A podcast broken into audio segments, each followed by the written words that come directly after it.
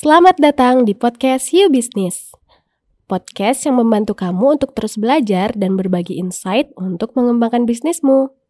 Di sini, kita akan belajar dari para praktisi ataupun berbagi insight dengan tim You Business sendiri.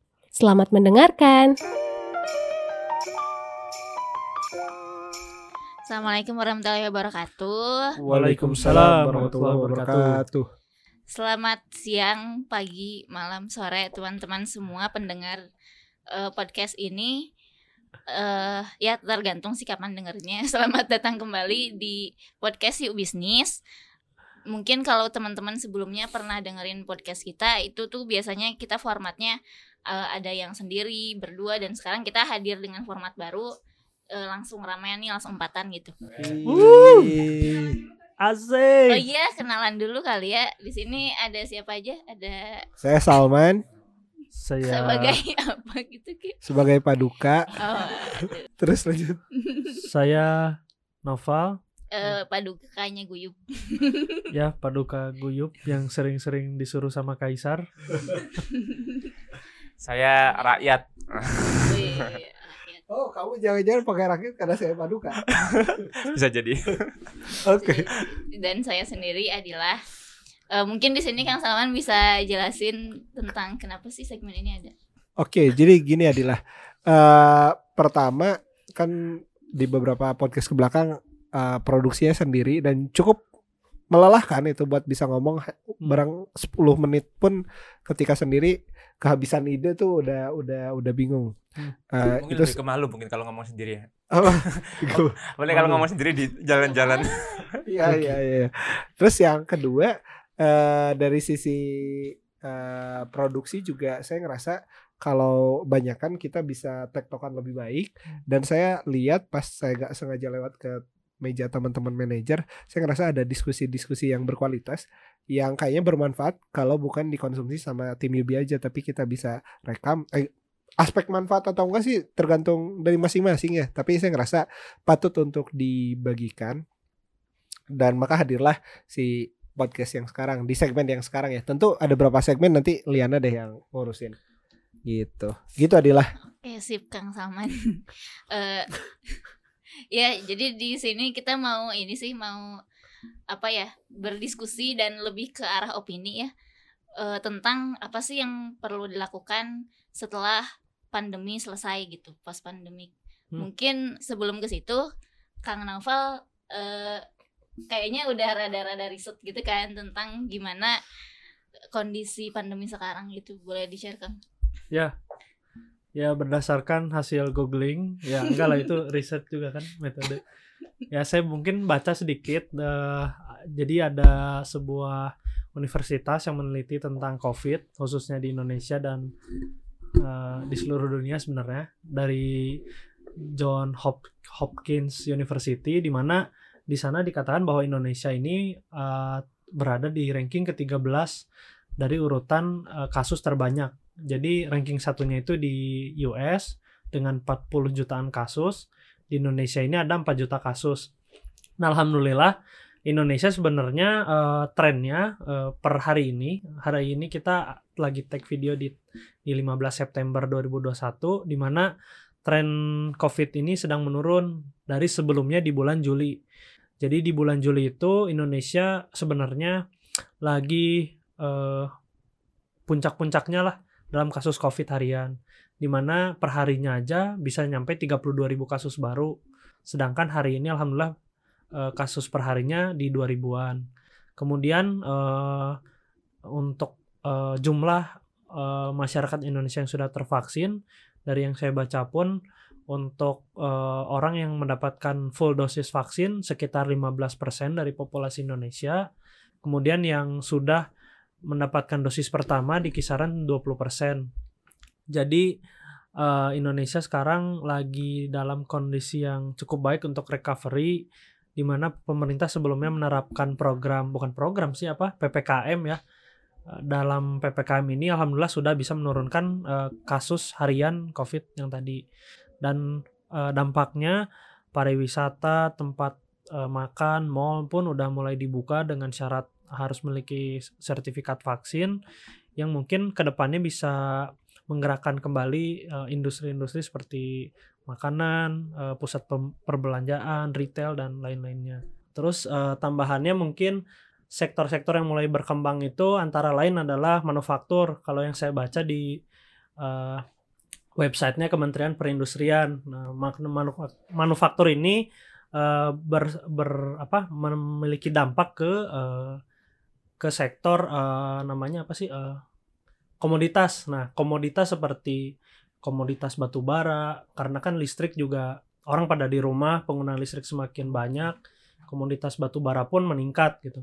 Kemudian komon, apa komoditas seperti eh, logam eh, dan lain sebagainya, industri manufaktur pun semakin naik eh, yang disampaikan oleh Kementerian Perindustrian.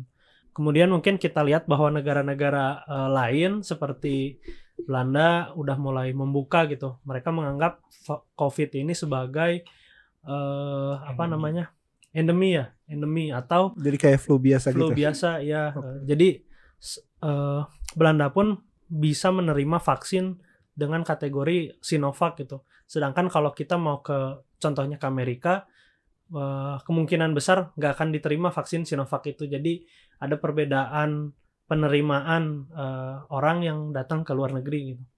Kemudian kayak Singapura juga masih restricted dan eh, kita tahu bahwa ada salah satu negara yang terbaik menangani COVID yaitu New Zealand. Mereka tetap menutup negaranya. Jadi eh, orang-orang yang boleh masuk ke New Zealand hanya eh, hanya penduduk asli Pasifik dan eh, New Zealand itu sendiri gitu. Seperti itu. Kalau yang Amerika melarang pengunjung dengan vaksin Sinovac tadi bukan karena politik ya? Atau gimana? Saya curiga soalnya. Gimana? Dan coba jelasin Dan. Ya kan lagi perang dagang kan untuk Amerika sama Cina. Jangan-jangan Hmm. Sinovac nggak boleh dipakai karena ntar modernanya nggak laku kalau Sinovac diizinin di seluruh dunia. Mungkin kalau dari kaca pebisnis bisa jadi ya. Tapi apa tapi kita juga nggak bisa kesampingkan dimensi lain dimensi kesehatannya itu mungkin Novel atau atau Adilah tahu nggak perbedaan Sinovac sama Aku kurang tahu. yang lainnya gitu. Yang saya tahu kalau nakes kan dikasih dosis 1 dan dosis 2-nya tuh Sinovac. Sedangkan nakes tuh ada booster vaksin. Nah, booster booster vaksinnya ini kan Moderna. Nah, bisa jadi Moderna ini kan dulu gak dikasih ke masyarakat biasa, nakes yang dapat. Dalam artian ya saya percaya kenapa nakes pakai Moderna ya mungkin efeknya lebih bagus gitu kepada tubuh terhadap COVID. Bisa jadi sih. Gak tahu Oke. ini Mungkin nanti di kesempatan selanjutnya kita bisa nanya yang lebih paham kali ya. Ya. Boleh. Iya, Oke. benar setuju. Tadi aku mau nanya tentang turunnya di September tuh itu pengaruh dari vaksin atau bukan juga Hmm. gitu sih. Cuma kayaknya kita di sini eh, kurang berkapasitas juga. Enggak, kalau Novel udah sempat riset mengenai itu. Baca-baca jurnal Kalau saya apa? percaya pemerintah aja karena ada PPKM mungkin jadi aktivitas Hmm. dibatasi Eh, jumlah eh, dari 4 juta total Covid pun 20% kasus itu kan terjadi di DKI, 15% di Jawa Barat. Maka pembatasan PPKM level 4 juga di Jakarta sama di Jawa Barat pun menjadi efek eh, yang lebih baik gitu. Eh, jadi kasus pun makin menurun karena eh, majority kasus ada di Jawa Barat sama di DKI. Kayak gitu sih mungkin. Oke. Oke, mungkin berarti eh dari apa untuk nurunin secara si apa tuh namanya tuh si kesehatannya itu kan ada kebijakan-kebijakan PPKM gitu ya. Ya. Eh, yang pembatasan-pembatasannya tuh ya cukup banyak mempengaruhi bisnis yang Kang Salman mungkin banyak tahu nih eh apa gimana ya relasi-relasi Kang Salman yang di bisnis tuh gimana gitu pengaruhnya ke mereka. Oke, jadi eh, di 2019 eh kita tuh oh 2000 2020 bulan Maret tuh kita sempat rilis mengenai kajian di You Business apa yang akan terjadi di para pebisnis pada saat pandemi. Waktu itu kita rilis 10 produk yang akan ramai. Dan sepertinya kita nggak perlu bahas itu lagi karena udah terjadi kan, udah hampir satu Ya. setengah tahun sekarang kita bahas lagi nggak relevan sehingga sebenarnya kemarin aku usulin ke Liana buat bahas apa yang terjadi setelah pandemi justru kita supaya bisa persiapkan. Nah kalau kita rilis sekarang orang yang mau baru mau dengerin beberapa minggu atau beberapa hari ke depan mungkin si materi ini nggak lagi relevan makanya kenapa saya usulin ke Liana coba kita bahas apa yang akan terjadi di eh, Indonesia khususnya eh, setelah pandemi usai. Hmm. Nah tadi se- sempat aku baca-baca dikit sih nanti Noval mungkin bisa tambahin ya. Eh, jadi pada saat kan dulu ada adaptasi kebiasaan baru kita merubah kebiasaan kita dari konsumsi digital misalnya Eh, ada angka-angka yang menunjukkan bahwa di Indonesia eh, khususnya dan di dunia pada umumnya eh, angka watch time orang di depan laptop atau di depan handphone itu meningkat drastis.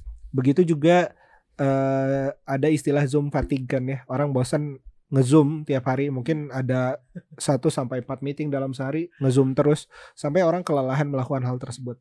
Tapi yang menarik justru beberapa orang men- menjadikan itu kebiasaan yang lumrah dan kalau di Simply Selling tuh ada satu slide yang ngomong ngomong mengenai eh, biaya dan benefit.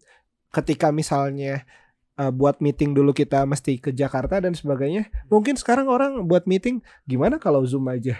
Ya. jadi eh, mungkin ada ada beberapa pendapat yang bikin eh, silaturahim tatap muka nggak nggak bisa digantikan. Saya sepakat tapi di beberapa orang yang lain tuh mungkin ngerasa kalau dengan zoom bisa bikin lebih hemat biaya waktu tenaga dan upaya kenapa nggak zoom aja? Nah ini yang saya baca mungkin terjadi eh, pasca pandemi usai di Indonesia. Walaupun sebenarnya nanti kita berkehidupan bisa bertatap muka seperti biasa. Dan aku dengar sih katanya di Bandung udah mulai sekolah ada sekolah yang offline ya?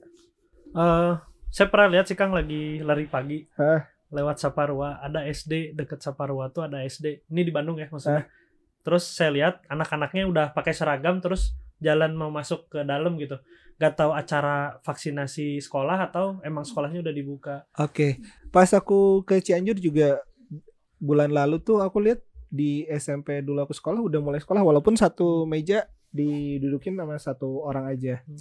Nah, intinya ada beberapa kebiasaan berubah, ada beberapa kebiasaan yang bisa eh, balik lagi ke yang sebelumnya. Yang jelas mungkin eh, kultur sanitasi akan jadi sesuatu yang biasa gitu. Sekarang kita nggak jarang eh, lihat orang sebelum makan ya udah mesti semprot-semprot dulu antiseptik dan sebagainya. Ini nggak boleh cipika cipiki lagi Kang ya. Ah, gak ngerti tuh. Ah, iya, ya. aku langsung shock ditodong itu. Jadi ru- rugi saya. Lah, coba cari yang sepemikiran sama kamu. Nah, balik lagi ke ke sisi bisnisnya, misalnya dari aspek hiburan. Kita tahu kan beberapa Ya. waktu di di salah satu tempat hiburan di Jakarta kepergok eh, lagi kumpul muda-mudi, ternyata tetap ada tuh yang ngakalin ngakalin kayak gitu. Tapi di beberapa yang lain tutup total dan sebagainya. ini yang disangka jualan ayam atau bukan Oh iya. yang chicken wings. chicken wings Oke, ya, yang itu deh. Ah, Oke, jadi ada ada beberapa kebiasaan yang berubah. Pertama dari sisi kesehatan, kepekaan orang orang terhadap kesehatan meningkat. Dan sekarang orang udah karena eh sekarang kita ngobrol dari bisnis dari sisi kesehatannya dulu ya. Jadi telemedicine tuh yang orang berobat dari rumah. Ada beberapa penanganan yang memang cukup dikasih obat aja sehingga dia konsul sama dokter eh si obatnya dikirim ke rumah dan eh, contoh di keluarga saya sendiri saya ng- ngelihat lebih hemat waktu gitu dibanding harus ngantri di klinik Hmm. atau di pusat kesehatan tertentu jadinya udah kalau ada sakit-sakit yang misalnya masih oke ditanganin di rumah dengan minum obat aja itu jadi alternatif dan saya kira eh, ini akan tetap dipertahankan kemungkinan besar ya Hmm. kecuali mau operasi dan sebagainya kan nggak nggak nggak visible buat dilakukan di rumah penanganan penanganan medis seperti itu Ya, Terus- pernah nonton film Three Idiot gak Kang? iya gimana gimana Yang melahirkan dengan bantuan video call itu. oh iya ya Itu Oh. mungkin juga nanti ke depannya bisa. Barangkali ya Barangkali bisa. Tapi kayaknya repot dan mending bayar dan. Oke. Eh, itu dari sisi kesehatan. Yang kedua dari sisi pariwisata. Eh, saya nggak melihat mungkin dari sisi pariwisata akan akan begini terus karena orang udah bosen gitu di Ya. rumah dan sebagainya butuh hiburan, butuh keluar rumah dan sebagainya. Itu dari sisi. Tapi konsumsi konten digital saya kira orang udah ketagihan ini yang saya menarik bagaimana kita melihat industri semacam bioskop Hmm. bisa bersaing ke depannya. Apakah memang nanti spending money-nya akan bertambah dia nonton di digital di rumah juga iya, dia datang juga ke bioskop juga atau malah banyak geser ke yang digital. Nah, ini tentu perlu diantisipasi termasuk bisnis-bisnis yang jadi supporting eh, bioskop karena kalau kita buka di eh, materi formula bisnis, Mas Jaya sempat mention bahwa bioskop itu dan eh, star tenant tuh jadi eh, penarik semut yang yang unggul kenapa bioskop disimpan di atas supaya nanti si semut-semutnya lewat ke toko-toko yang kita mau. Nah, itu juga menarik bagaimana support-support eh, bisnis di sekitar bioskop bisa menyesuaikan diri ke depannya. Industri food and beverage eh, bagaimana bertahan ke depannya saat tapi sekarang di Bandung sendiri udah mulai rame ya orang ya makan dan sebagainya. Beberapa waktu ke belakang kita lihat orang makan di mobil tapi sekarang masih terjadi nggak sih yang kayak gitu? Mungkin teman-teman tahu. Kalau beberapa restoran kan udah buka, jadi ngapain lagi di mobil? Iya, ya berarti udah udah Hmm. udah balik ke normal. Kalau sekarang izin, saya saya waktu itu saking seringnya nungguin tiap hari Senin malam PPKM diperpanjang atau enggak sampai sekarang saya udah mulai gak ngikutin. Sekarang PPKM masih diperpanjang nggak sih? masih, kemarin Masih ya? Berapa? Level baca. 2 bukan? Saya kurang tahu kalau Kemarin baca tapi lupa tanggalnya. Saya ngikutin empat kali sampai saya kira ini tuh mungkin dicicil kali ya. Sebenarnya PPKM setahun tapi dicicil. Sampai ada lagu yang terkenal diperpanjang atau tidak, diperpanjang atau tidak. Itu itu soal PPKM. Itu Lagu dari mana? kok aku nggak tahu lagunya. Salah satu ucapan DPR yang yang diparodikan gitu. Orang Oh. Cianjur kayak aku cannot relate. terus nah, terus eh balik ke industri, tadi industri kesehatan industri food and beverage teknologi eh teknologi saya kira bisa cukup beradaptasi dan diprediksi di kajian eh, nya Rifki waktu itu pas bikin satu satu materi ngomongin industri yang akan bers- eh, maju di dunia pandemi Hmm. sama setelahnya tuh eh, teknologi termasuk yang akan rising gitu ya. Nah, tapi kebutuhan pokok, nah ini yang menarik, kebutuhan pokok tidak banyak berubah di kajiannya Rifki waktu itu bilang eh, konsumsi orang-orang ke produk sekunder sama tersier eh, jadi geser karena pertama daya belinya turun dan mereka akhirnya memilih hal-hal yang prioritas mereka beli eh, di kehidupan mereka. Nah, saya saya nggak tahu nih berapa banyak ibu-ibu yang berubah kebiasaannya yang dulu mereka makan di luar dan sebagainya sekarang mereka beli frozen food dan sebagainya. Apakah setelah pandemi usai konsumsi frozen foodnya usai juga atau mereka berubah? Mungkin Denny bisa kasih pendapat soal itu. Kalau menurut saya eh, setiap industri itu harus eh, memberikan experience. Jadi soalnya kalau kebutuhan yang pokok itu bisa diakomodasi oleh eh, industri-industri yang menyediakan kayak pengiriman, kayak kalau belanja kita pengen belanja aja kan bisa dari Tokopedia, dari Shopee dan lain-lain. Tapi kalau misalnya kita ke mall, sekarang itu tujuannya tidak hanya untuk eh, membeli baju, tapi untuk jalan-jalan menikmati apa yang ada di mall termasuk makanannya, termasuk hiburannya, mungkin Hmm. naik lift kalau dia belum pernah naik lift. Oke, oke. Kalau soal konsumsi frozen, kamu kan eh, sekarang ngelihat Iya, ngelihat salah satu lini bisnisnya you bisnis Iya, siap. Stoki. Mm-mm. Itu sendiri di Hmm. di di diskusi tempatmu di Stoki Hmm. gimana tuh? Apakah nanti setelah pandemi selesai eh, perilakunya balik lagi atau gimana tuh?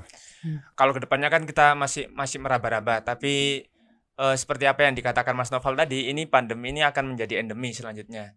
Jadi kalau misalnya Kang Salman eh, tadi menyebut kapan eh, apa yang harus kita lakukan sebagai pebisnis saat pandemi usai, kayaknya nggak ada usainya. Kalau misalnya disangkut pautkan ini ada bentrok ini, ada bentrok kepentingan. Jadi yang satu memandang pandemi sebagai endemi, yang satu masih berharap eh, pandemi ini akan usai. Saya lebih mendukung bahwa akan ada new normal yang akan berubah menjadi normal. Jadi Stoki ini akan berprospek yang sangat bagus ini menurut saya. Pesan sponsor. Oke. ya, ya Stok, Stoki ini kami akan menyediakan eh, satu toko kayak Alfamart gitulah. Tapi di di dalamnya ada berbagai macam frozen food yang kita beli dari eh, seluruh UKM yang terbukti ampuh. Ampuh di sini yaitu rasanya bagus, izinnya bagus, halal dan eh, terbukti ngangenin. Oh, ampuh kayak MTV. Oh, maaf. Betul. Ya. Apa itu? oh ya. Sebentar, Novel. Mengenai tadi eh, soal pandemi, apakah sebenarnya pandemi sebenarnya kan tadi si eh, Denny ngomong bahwa pandemi nggak bakal selesai, tapi aku juga dapat pernah pernah nonton Euro tuh waktu itu Hmm. Hungaria full stadionnya. Hmm. Aku kira itu itulah bentuk pandemi selesai dan aku sempat lihat kajian eh, nya di di satu jurnal bahwa Indonesia termasuk negara gelombang tiga yang Gelombang tiga tuh gimana? yang terakhir beres pandemi. Jadi Hmm. ada negara yang war- diwarnain hijau, Hmm. dia pertama beres. Indonesia tuh masuk yang diwarnain warna merah. Hmm. Jadi ya, di antara semua negara, Indonesia termasuk kategori yang beres terakhir pandeminya. Ya. Eh, mungkin kamu bisa berpendapat gak soal hal tersebut? Sebenarnya nanti seperti apa sih Indonesia di setelah pandemi Ya, ini? eh, jadi ini saya mungkin eh, mungkin teman-teman juga bisa cari sendiri artikelnya, tapi saya izin ngasih informasi apa yang saya udah pernah dengar. Yang saya dengar itu Indonesia bakal bisa eh, mencapai normal lagi kayak kayak yang dulu itu kisaran 4 sampai 5 tahun lagi. Oke, kena- Hmm. kenapa selama itu kalau boleh? Karena eh, kalau lihat kita orang yang udah divaksin di Indonesia dari total populasi itu baru 15% yang dapat full dosis dan dicapai dalam berapa lama? dan bisa dicapai dalam tadi waktu 4 sampai 5 tahun Buat lagi nyampe buat nyampe full, Full. semua orang Indonesia kena vaksin. kan total penduduk ada kisaran 270 juta, Oke. sedangkan yang udah divaksin tuh masih 15% di angka eh, berapa sih? Dua, 20 Tinggal juta, dikali 40 lah ya. juta lah. Setahu saya di segitu. Dan sekarang tenaga medis, konsentrasi eh, tempat vaksin pun masih ada di sentralis di Ja- Jawa, Oke. di Sumatera di apa namanya di apa eh, provinsi-provinsi yang udah siap infrastrukturnya sedangkan Indonesia sendiri banyak kepulauan banyak provinsi yang masih belum siap dengan infrastruktur dan tenaga medisnya Oke. jadi ada dua faktor yang membuat cukup lama tadi mungkin gelombang tiga tadi Oke. Hmm, mungkin itu sih Menurut lo hal terbaik apa yang mesti kita lakukan dalam 4 5 tahun ke depan? Apakah kita akan seperti ini terus modenya gitu atau gimana sih, Bang? oh ya eh, jadi mungkin ya harus siap dengan adopsi digital sih sebenarnya Oke. Uh, adopsi digital di sini adalah uh, teman-teman yang dulu belum ready gitu kayak main sosial media masih mengandalkan channel offline-nya jadi harus mulai siap uh, dua dunia lah kasarannya Oke. dunia digital dan dunia offline Oke. Mungkin ada teman dari teman-teman yang lain? Dari Denny atau Adila? Dari Kang Denny ada tambahan dulu. apa ya Enggak. mangga mangga mangga Tadi yang pas bahas frozen food kan tadi aku diskusi juga sama Adila tuh yang kira-kira frozen food tuh akan tetap atau enggak setelah pandemi usai. ya Oke. Terus kalau tadi kata Adila tuh kayaknya setiap orang tuh akan nyari titik nyaman gitu. Jadi Hmm. mungkin tergantung orangnya. Kalau misalnya mama-mama muda yang kemarin dibahas Mas J, kayaknya kalau udah nemu nyamannya kayak gitu akan lanjut. Tapi kalau misalnya tadi yang dibilang Denny yang Hmm. apa orang-orang yang emang makan tuh gak cuma makan tapi dia nyari hiburan, nyari segala macam, mungkin nggak Oh, akan ke situ lagi gitu. Persis ini ada satu pertanyaan menarik. Siapa yang di sini eh, pindah ke Gojek Grab dan nggak pernah naik angkot lagi? Saya Sebelum pandemi sudah pakai Gojek. Iya. Enggak, maksudnya bukan bukan di kondisi pandemi aja. Hmm. Jadi Pak kan kita ngelihat ada kalau di Mas itu ada eh, kondisi sosial eh, disrupsi itu yang kalau di ekosistem bisnis tuh Hmm. yang bawah kan perubahan regulasi dan sebagainya.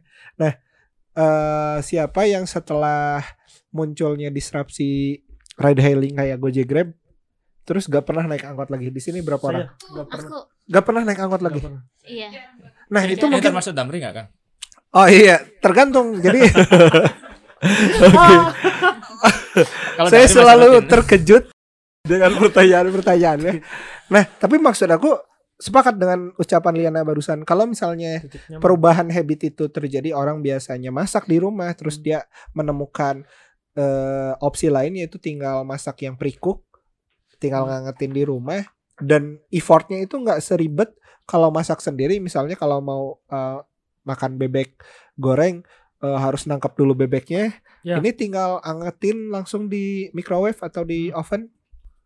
Ya mungkin nanti dia harus pertimbangkan aku akan lakukan kebiasaan lama atau aku akan lakukan kebiasaan baru. Hmm. Beberapa orang yang dulu terpaksa pindah tapi effortnya ternyata masih bagusan kebiasaan baru mungkin dia nggak bakal balik ke kebiasaan lama mirip yang tadi eh, setelah ada Gojek sama Grab mereka berubah kebiasaan karena promo tapi pada saat promonya dicabut pun udah awalnya dulu saya coba-coba sampai akhirnya saya ketagihan gitu gitu Kayak iklannya Apa? Ya, jadi saya awalnya coba-coba.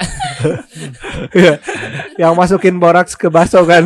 Nah, eh, saya ngelihat mungkin hal yang sama bisa terjadi sih di di di di kondisi sekarang. Nah, Jadi mungkin pertama terpaksa beli stoki, terus yang kedua kebiasaan beli stoki, terus Oke. ntar kebutuhan Kang ya. Jadi ada tangga itu yang harus kita hukum-hukum 90 hari. asik. Oke, mungkin kayak gitu kali ya. Ada ada pendapat lain? Iya. Kalau yang aku sempat eh coba di coba pikirin tuh kayak ya pada akhirnya eh, tergantung nyamannya gimana gitu sih yang tadi kata Kang Salman kalau misalnya eh, nemu kebiasaan baru yang dengan itu tuh justru eh, dia udah nyaman dengan itu dan effortnya juga lebih kecil gitu ya udah bakal kayak gitu. Cuma kan ada eh, ada hal-hal lain yang justru itu tuh eh, apa ya justru lebih enak kalau offline. Misalnya kalau beli baju nih beli baju kan orang kalau misalnya eh, online tuh suka punya pengalaman buruk mungkin ya kayak da- pas datang-datang bajunya ukurannya gak pas atau ngatung apa gimana gitu. Jadi kayak kalau itu pasti tetap perlu offline yang seenggaknya dari situ jadi titik masuknya aja gitu jadi mungkin mereka mungkin sekarang tuh shopping tuh udah banyak yang eh, di online nih cuma eh Ada beberapa yang tetap gak bisa digantiin. Iya, dengan- ada beberapa yang mungkin si untuk tahu brand ini bagus atau enggaknya gitu, dia perlu lihat di offline store offline store-nya dulu gitu. Tapi cuma buat di depannya gitu. Dan jadi tadi kayaknya siapa sih yang kayak eh, Kang Naval atau Kang Oh, Kang Naval. Tadi sempat bilang eh apa ya perlu perlu mikirin dua channel itu offline sama online dan proporsinya bisa jadi bakal berubah gitu di habis pandemi itu. Saya kayak punya ada permisalan ini. Suatu produk milik suatu pengusaha itu seperti eh, cewek di pandangan cowok atau cowok di pandangan cewek. Gimana tuh? Jadi kalau langsung kita beli online tanpa tahu aslinya itu mungkin eh, ada kemungkinan untuk keliru. Kayak misalnya kita lihat, oh cewek ini cantik nih. Ternyata filternya banyak kan. Pakai bisa pakai filter ya. Enak kalau misalnya kita pernah ketemu dulu atau kita pernah lihat brand-brand secara langsung dulu. Ya. Terus untuk repeat order berikutnya baru kita bisa dengan online setelah membuktikan bahwa itu mukanya cantik beneran setelah itu cowoknya emang beneran segitu orangnya nggak dibuat-buat Oke. ya Itu sebenarnya aku pernah lakukan kajian. Jadi waktu itu eh, kenapa untuk beberapa produk aku mention aja deh salah salah satunya produk sepatu kulit itu masih butuh distribusi offline dan dan feel buat hand feeling ngecek dulu ukurannya itu masih dibutuhkan di beberapa produk tertentu. Ya. Eh, pertama lagi-lagi tadi di satu slide di simply selling bahwa ternyata harganya nggak murah. Jadi kalau dia salah effort buat balikin laginya lebih salah ukuran, salah warna dan sebagainya, effort buat balikinnya lagi tuh lebih berat dibanding kalau dia datang langsung ke store-nya. Hmm. Terus yang kedua varian eh, ukuran kan banyak banget tuh. Jadi buat ngecek sebenarnya ukuran ini ini juga menarik sih. Dan Mas J juga sempat saranin ke beberapa merchant buat bikin keseragaman ukuran. Hmm. Tapi pada faktanya ini hal yang nggak mudah untuk badan yang untuk produk yang kena langsung ke badan, yang ukuran itu jadi sangat sensitif di sana, orang perlu ngerasain langsung. Sama mirip mungkin eh, tadi ada waktu, biaya, tenaga, upaya. Di sini benefit emosional, benefit rasional. Mungkin untuk produk-produk yang harganya sangat murah, kita ngerasa karena harganya saking murah, kalaupun salah, saya nggak masalah gitu. Tapi ketika harganya sangat mahal, katakanlah ekstrimnya kamu mau beli mobil mewah deh, harganya Ya. satu miliar, mau gak belinya online? Mungkin ada ya, kayak Tesla dan sebagainya nanti Di ada komentar ada, kayak gitu. mana? Nanti saya beli beli Tesla online. Oke, gak masalah. Tapi ini kayak tas-tas yang Branded. eh, branded dan sebagainya. Saya kira mereka masih perlu nge ngecekin Hmm. apakah apakah eh, dengan saya nggak datang tuh worthy buat dibandingin sama value yang harusnya saya bayar gitu. Nah itu mungkin Ya. pertimbangan perubahan kebiasaan tuh ada ada di sana gitu. Effort versus benefit yang eh, keluar. ini mirip kajian Vicky Muamalah yang kemarin kan ada yang tanya saya punya produk terus saya foto dengan kamera terbaik saya pakai angel yang terbaik sehingga barangnya di foto itu terlihat sempurna. Setelah barang itu nyampe di konsumen, ternyata konsumen kecewa. Terus si eh, yang punya produk ini tanya, apakah saya termasuk menipu saat tidak membuat-membuat dengan hanya dengan menggunakan fasilitas terbaik untuk memfoto.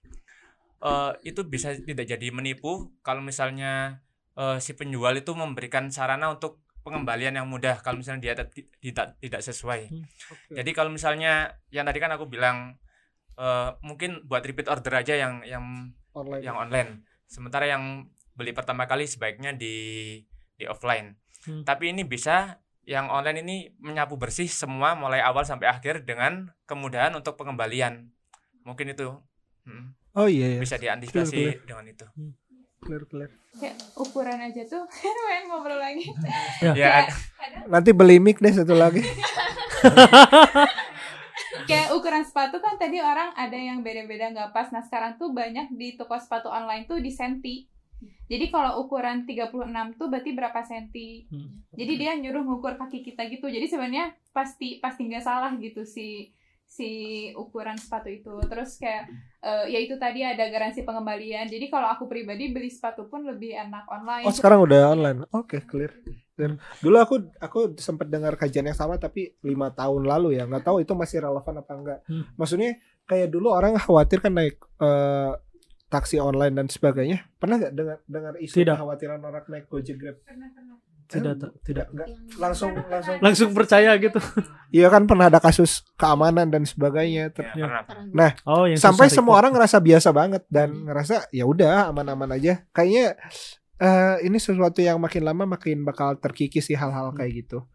Halo teman-teman, apakah itu kamu yang ingin membangun bisnis tapi bingung mulai dari mana? Atau merasa bisnisnya stuck di situ-situ aja? Kami ingin membantu kamu dengan e-course buka langsung laris oleh Jaya Setiabudi. Di e-course ini, kamu akan belajar tentang 7 langkah praktis yang bisa dilakukan untuk membuka bisnis. Mulai dari bidik pasar potensial, uji produk ngangenin, sampai memaksimalkan konversi. Khusus pendengar podcast You Business, dapatkan diskon 50% dengan kode kupon podcast You Business. Kunjungi e-course.youbusiness.com untuk informasi lebih lanjut. Jangan lupa ya, e-course.youbusiness.com dengan kode kupon podcast You Business. Iya, aku ada satu lagi sih yang kepikiran gitu. Eh kan sejauh apa perubahan yang kan apa ya kan kita tuh kan beda ya yang kondisi di kota besar sama di daerah-daerah gitu Oke. nanti kira-kira bakal sejauh apa ya perubahan eh, kebiasaan orang-orang di kota besar sama yang di daerah-daerah yang mana mereka mungkin daerah mah pandemi nggak pandemi juga sama aja gitu Hmm, oke. jadi. Aku pernah eh, dapat materi ini sih dari beberapa teman ya. Kalau di fashion ada yang ngomong misalnya ke daerah Indonesia bagian timur, tapi ini tentu sangat debatable. Eh, ada yang bilang trennya selisih enam bulan, ada yang bilang trennya selisih dua tahun gitu. Tergantung dari bagaimana eh, saluran distribusi tren itu sendiri. Hmm. Jadi misalnya dia lihat apa yang ada di TV, terus eh, apakah yang ada di TV itu bisa dia eh, capai dalam waktu yang langsung atau malah butuh waktu dulu sampai store itu buka di eh, Tempat itu. tempat itu. Contoh misalnya di Cianjur dulu aku kan eh, apa ada Miniso ya. Nah di Cianjur kan ada Naiso. Jadi buat bergeser itu padahal apa? Nah, Di padahal Naiso. Naik. Nah maksudnya perubahan itu kan butuh waktu tuh sampai eh, sampai terjadi. Nah hal yang sama juga mungkin kebiasaan-kebiasaan ini aku nggak ngerti ya kalau di pandemi akan terjadi hal yang sama atau tidak. Maksudnya di sini orang pakai masker sekarang, terus di daerah baru pakai masker di tahun depan kan ngapain gitu maksudnya. Ya. Dia harus melakukan itu. Eh, tapi ada ada kebiasaan-kebiasaan berubah yang butuh butuh adaptasi dan dan yang menarik di daerah-daerah yang secara distribusi itu susah kalau di dunia logistik mungkin zona C sama zona D orang JNE mungkin bisa jelasin ya Nah, itu belanja offline tuh masih tetap worth it di sana Ya. jadi eh saya saya ada ada ada saudara yang memang fokus di jualan apa jualan spare part motor Hmm. dan di sana lebih laku walaupun pertanyaannya kan bisa buka marketplace atau toko online Hmm. Tapi akhirnya effort yang harus dilakukan buat bisa beli itu tetap lebih mahal kalau online jadi online tuh nggak jadi selalu jadi lebih murah Ya. dia harus cari eh, metode pembayarannya dulu cari ATM. Eh nyari ATM sama ke tokonya lebih dekat ke tokonya. Jadi ngapain harus beli eh, lewat online terus nanti belum ongkos kirim yang jadi lebih mahal. Nah, eh, distribusi ini jadi hal yang menarik sebenarnya di Indonesia buat bisa diselesaikan. Dan ini big deal eh, yang bikin eh, orang yang pengen transaksi itu jadi beli atau enggak karena tadi eh, si riset distribusi sama pricing eh, dari ongkos logistiknya gitu ya. Itu sih menurutku sih. Mungkin ada tambahan dari eh, Bapak Guyum Indonesia, Bapak Guyum Indonesia ini novelnya. Eh, ya apa ya? Perihal yang barusan Val, perihal apa bagaimana adaptasi adaptasi ke daerah karena butuh Hmm. waktu. Eh, apakah memang akan selalu yang terjadi di kita sekarang diadaptasi di daerah atau mereka punya eh, adaptasi tersendiri gitu? Ya, tapi boleh eh, nimbrung sebentar. Boleh boleh. Ini kenapa orang daerah yang harus beradaptasi ke orang kota, bukan orang kota yang berada- beradaptasi ke orang desa. Wah menarik sih. Ini ngomongin Jadi kayak- ya. Kayak ini saya yang orang desa nih kayak kok miris banget. kenapa aku yang harus ikut-ikutan ada harus ada miniso di di desaku. Padahal aku nggak menginginkan hal itu. Ini sebenarnya aku pernah diskusi sama sama si Anita. Heeh. Anita kan eh, Anita maaf ya diceritain. Anita, Jadi sebenarnya dari sisi dari sisi income banyak juga orang yang pemasukannya besar Ya. dan mereka bingung pemasukan mereka dikemanain. Jadi bukan karena harus mengikuti sih sebenarnya, tapi pada or- pada pada orang-orang tertentu mereka punya duit dan bingung duitnya mau dikemanain. Itu mungkin lebih lebih ke sana. Jadi ada ada ada ada kelebihan, ada privilege, tapi nggak ada kesempatan yang bisa di didapat. Akhirnya Anita tuh kayak bisnis just tip just tip gitu. Orang beli kopi, Starbucks dan sebagainya, terus nitip belanja di Miniso, eh, di mana? Uniqlo dan sebagainya. Itu itu terjadi. Nah bisa bisa bisa dibayangkan hal ini terjadi karena apa yang mereka lihat di sosmed. Mungkin kalau kalau distribusinya eh, belum nyampe ke sana tapi saluran promosi sama saluran informasinya mereka ada. Apa yang mereka lihat di layar kaca eh, di layar handphone mereka suka tapi mereka nggak bisa dapat lah jangan jauh-jauh lah. Misalnya kalau kita ubah persepsinya orang orang kota sama orang desa tapi sama eh, sekarang si orang kotanya jadi orang Korea eh, orang desanya orang Indonesia kan banyak juga orang Indonesia yang pengen ngikut-ngikutin gaya-gaya di Korea gitu. Hmm. mereka saya mungkin. beli kimchi. Nah justru yang menarik kenapa kamu kayak gitu? Gitu ya nanti kita bahas. Tapi izin jadi apa yang mereka konsumsi di layar kaca oh, aku juga pengen kayak gitu kan. Eh, kemarin saya sempat lihat di di di sosmed tuh beberapa restoran ramen di di Indonesia eh, nyiapin soju halal. Karena mereka lihat di eh, apa di K-drama yang mereka tonton ada soju gitu Saya juga pengen soju gitu. Apa? aku gak ngerti eh, yang aku dapat dari sana aku gak ngerti ada kedai kedai Korea gak Tapi ramen suka ada di kampungku kok. Ramen. harusnya kedai apa Oh, ramen. Oh, nah itu orang orang yang suka nonton kayak drama protes. Aku ngomong kayak gini karena aku nggak tahu sih sebenarnya. Terus eh, si konsumsi apa yang kimchi? Saya pernah dengar ini dari salah satu eh, petani. Oh, sama kakak ipar saya. Kakak ipar saya kan Hmm. aktif di pertanian. Eh, si kimchi itu apa sih sayuran itu? Sawi. Sawi. Sawi. Ada tuh eh, petani-petani sawi di di daerah tertentu yang serapannya dipakai buat bikin kimchi di Bogor. Sekarang makanan khas Korea ada di Bogor gitu. Di dibikinnya di Bogor. Kan ini hal yang Hmm. eh, lucu gitu. Eh, jadi menarik ya bagaimana eh, negara Korea bisa bisa menerjemahkan dari entertain sampai ke lini bisnis sampai ke distribusinya gitu. Ke budaya mungkin secara umum. Betul, betul. Nah, eh, yang sebenarnya kita juga bisa lakukan hal yang sama dari konsumsi konsumsi eh, budaya atau konsumsi hiburan tadi. Hmm.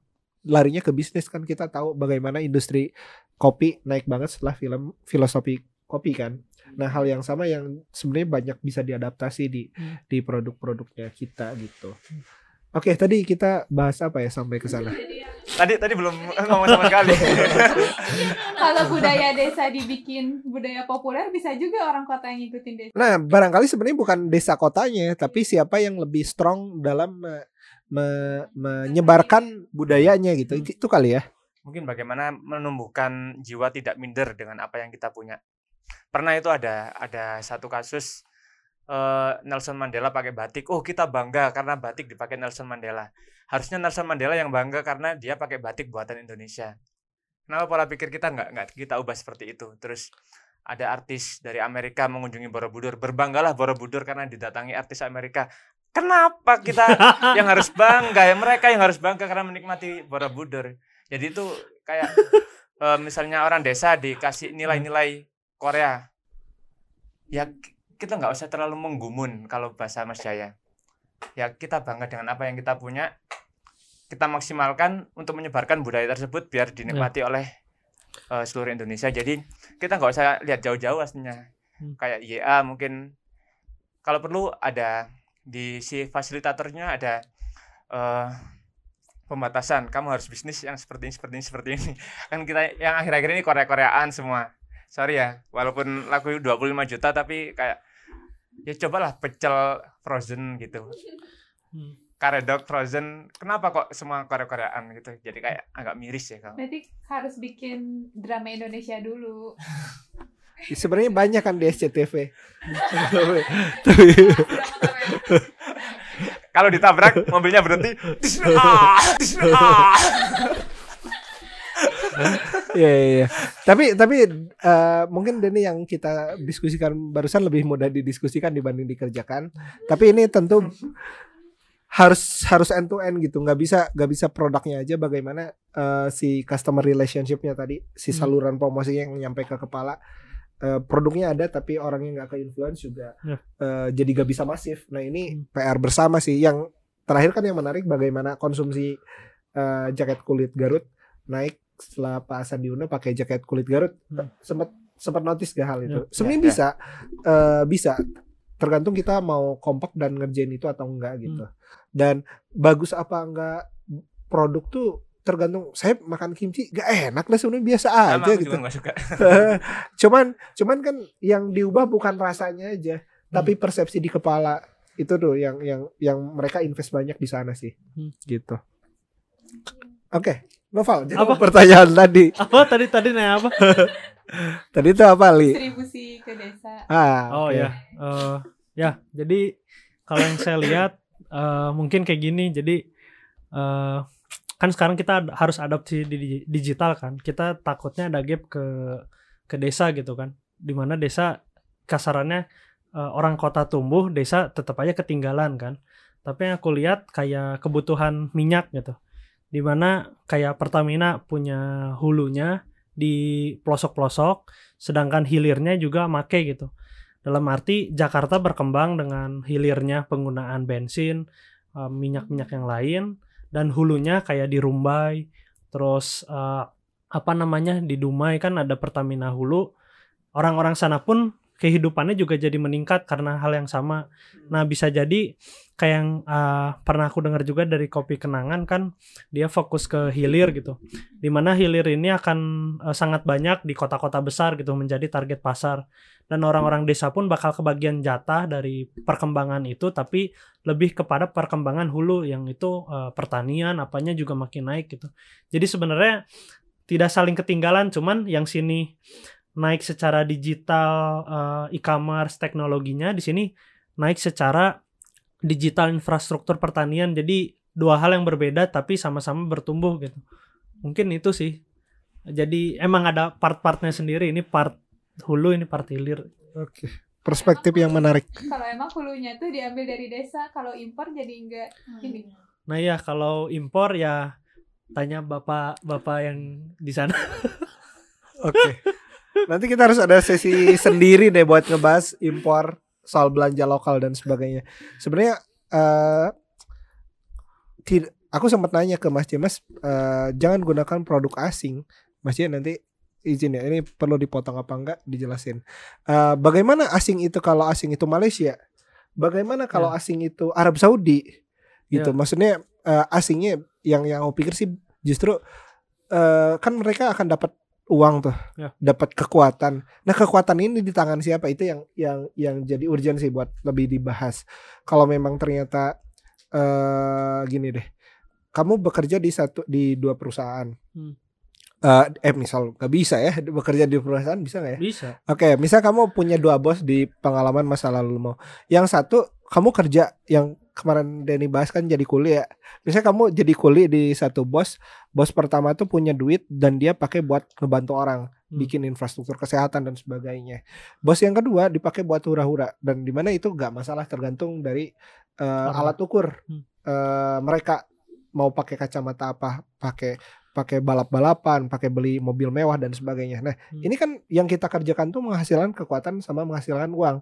Nah, kita lebih senang uang ini ada di orang pertama apa orang kedua. Itu sih mungkin yang jadi kon- concern kita dan dan tadi pembahasan mengenai import eh mungkin kita bisa pakai persepsi yang sama pada saat kekayaan negara ini eh, di, di dikasih ke luar Hmm. eh, kira-kira yang luar ini punya punya value apa sehingga kalau mereka dikasih kekuatan eh, mereka akan melakukan apa dengan kekuatan itu. Gitu sih. Setuju. oke. Ya, setuju Kang. Benar benar benar. oke. Mungkin kamu yang bagian gak setuju ya? Ada gak oh, gak mesti Ya setuju sih. Kalau kalau mengenai hal itu kan eh jadi kita harus memikirkan jauh ke depan mengenai apa yang kita sumbangkan. Mungkin 5 cm ke depan ini ternyata ada akibatnya ke 50 km ke depan. Itu mungkin pikiran kita yang eh, perlu dijauhkan lah. Tapi ini kayaknya pe- pembahasan yang agak sulit tapi boleh nggak ini saya belokkan ke yang Sandiaga Uno pakai eh, jaket kulit jaket kulit terus penjualan jaket kulit jadi laris Boleh, boleh. pula yang Pak Jokowi pakai baju badui kan Ah. ini eh, semasa hidup saya asik ini kayak eh, peran pemerintah akhir-akhir ini terhadap UKM kayak sangat luar biasa Ya. apakah ini cukup menurut Kang Salman atau harus dari harus dari UKM sendiri yang harus dan dan kenapa bahas salah, pemerintah harus aku Ya, jadi jangan tergantung sama Pak Jokowi pakai badui atau enggak kamu harus bisa menjualkan gitu loh. Kayak Eh. kayak Yubi solusi online buat UKM mungkin aku Jadi gimana perwujudan Yubi ini? sebenarnya kalau pakai kacamata ah sekarang kita mau bahas ini pakai kacamata siapa ya kalau pakai kacamata aspek politik eh, nanti kebijakan populis dan sebagainya aku bukan orang yang kapasitas buat bahas itu tapi dari aspek bisnis lah ya eh kan ada kita kenal di dunia marketing ada key, key opinion leader ya siapa KOL. tokoh-tokoh yang kalau kalau melakukan sesuatu bisa jadi eh bikin boom sesuatu. Dulu pernah ada artis Korea yang pakai sendal swallow terus rame. Hmm. eh apa ini loh sendal swallow yang dipakai artis Korea. Pernah pernah dengar case itu? Nah nah saya baca sih eh, kalau di eh, produk launch formula eh, cari buzzing dari tokoh-tokoh seperti ini memperkuat reach dari satu campaign. Jadi misalnya eh, ada tokoh-tokoh yang punya jangkauan luas memakai satu produk tertentu dia akan bantu eh, ngebas bas tuh apa sih bikin kebisingan Hmm. dari produk yang dia pakai. Penyebar virus sih. apa? Penyebar penyebar, virus. ah penyebar virus kalau pakai istilah Mas J. Nah eh, apakah pemerintah harus melakukan itu? Ya yang jelas kalau siapa yang akan support gitu? Kalau kita pakai eh, influencer yang berbayar UMKM nggak mampu gitu. Dan dan siapa yang akan peduli? Padahal kita tahu bahwa UMKM ini adalah satu eh, support system yang ada di negara kita yang bisa jaga negara kita dari krisis. Jadi yang paling berkepentingan yaitu eh, pemerintah. Entah dengan cara meng mengcapture tadi si opinion opinion leader yang berbayar tadi pemerintah yang bayarin atau pemerintah sendiri yang lakukan gitu sih. Ini aku jawab dari aspek bisnis ya. Tentu aku nggak bisa bahas dari aspek politiknya aspek populisnya ya, dan sebagainya gitu sih Dan oke udah berapa menit kita ini kita diskusi Oke. Udah mau 50 menit Ya. juga. ternyata tidak susah ya bikin podcast Cukup mengobrol. yang lama persiapannya Emang ada apa? Satu semboyan. Ketakutanmu itu lebih seram daripada apa yang terjadi sesungguhnya. Asik. Anjay. Oke, Adila. Mungkin ada closing statement dulu. Oke, dari aku sih gitu ya, eh, teman-teman. Jadi dengan apa yang terjadi di pandemi sekarang, eh, pada saat beberapa pebisnis sibuk meratapi kondisi yang terjadi, eh, yang saya yakini dunia di beberapa hal jadi melambat di kondisi sekarang di mana sebenarnya teman-teman bisa nyalip di kesempatan ini. Eh, coba manfaatkan betul kesempatan ini buat bisa mempersiapkan apa yang terjadi eh, nanti setelah pandemi usai atau tidak usai gitu ya. Sok Nova. Ya, eh, dari saya mungkin eh, kehidupan tidak hanya sebatas layar 5 inci, di mana harus melihat juga aspek-aspek offline dan lain-lainnya. Jadi belum tentu teknologi itu membantu gitu. Bisa jadi offline itulah yang membantu. Jadi diharapkan mungkin untuk para pembisnis ke depannya adopsilah di dua di dua sektor online dan offline juga sih dan dikombinasi. Mungkin itu yang bakal mendorong ke depannya. Terakhir gimana Kang Deddy? Oh, pasti lucu ya Din ya. Nggak ini agak-agak serius ya di sesi ini.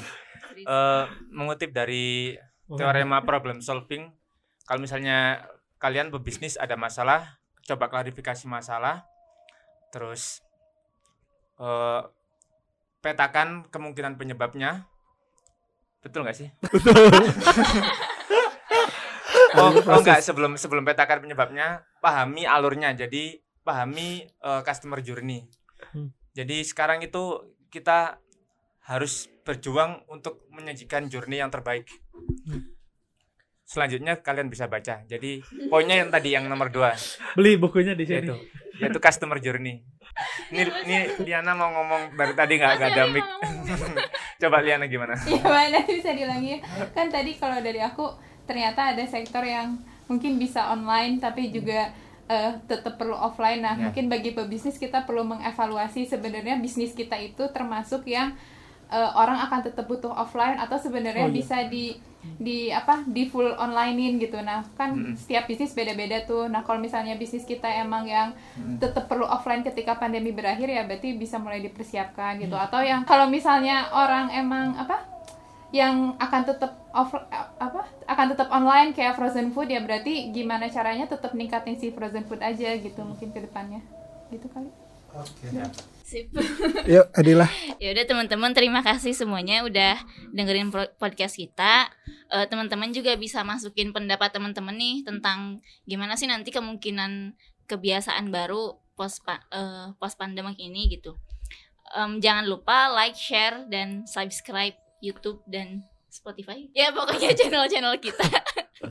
Eh, ya kami dari tim Yuk Bisnis mengucapkan Selamat, Selamat Hari Raya Idul Fitri Oke. 14. Ya udah. Ya. Terima kasih sudah mendengarkan podcast ini. Jika kamu merasa podcast ini bermanfaat, jangan lupa bagikan ke teman-teman kamu ya, supaya mereka juga dapat manfaat yang sama. Jangan lupa juga untuk mengikuti kami di Instagram at yourbusiness.com, karena di sana kami juga akan berbagi banyak insight seputar bisnis lainnya. Sampai bertemu di episode selanjutnya.